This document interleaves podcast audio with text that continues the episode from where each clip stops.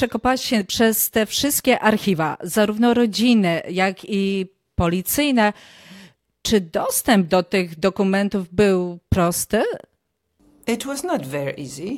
To nie było proste, ale po prostu am miałam obsesję na tym punkcie. Mam obsesyjny charakter.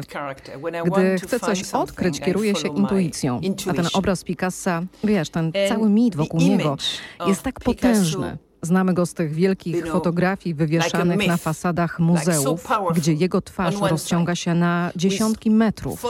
Ale to tylko jedna strona 10 medalu, bo z drugiej Jest gość. Mam tutaj zdjęcie, zobacz. Widzisz to zdjęcie? Okej, yes. You see? He looks like a, a criminal. Wygląda jak kryminalista w aktach policyjnych. To jest ich przestępca. Widzisz? Jest tu swego rodzaju how paradoks i to mnie zaciekawiło. Jak można pogodzić te dwa obrazy?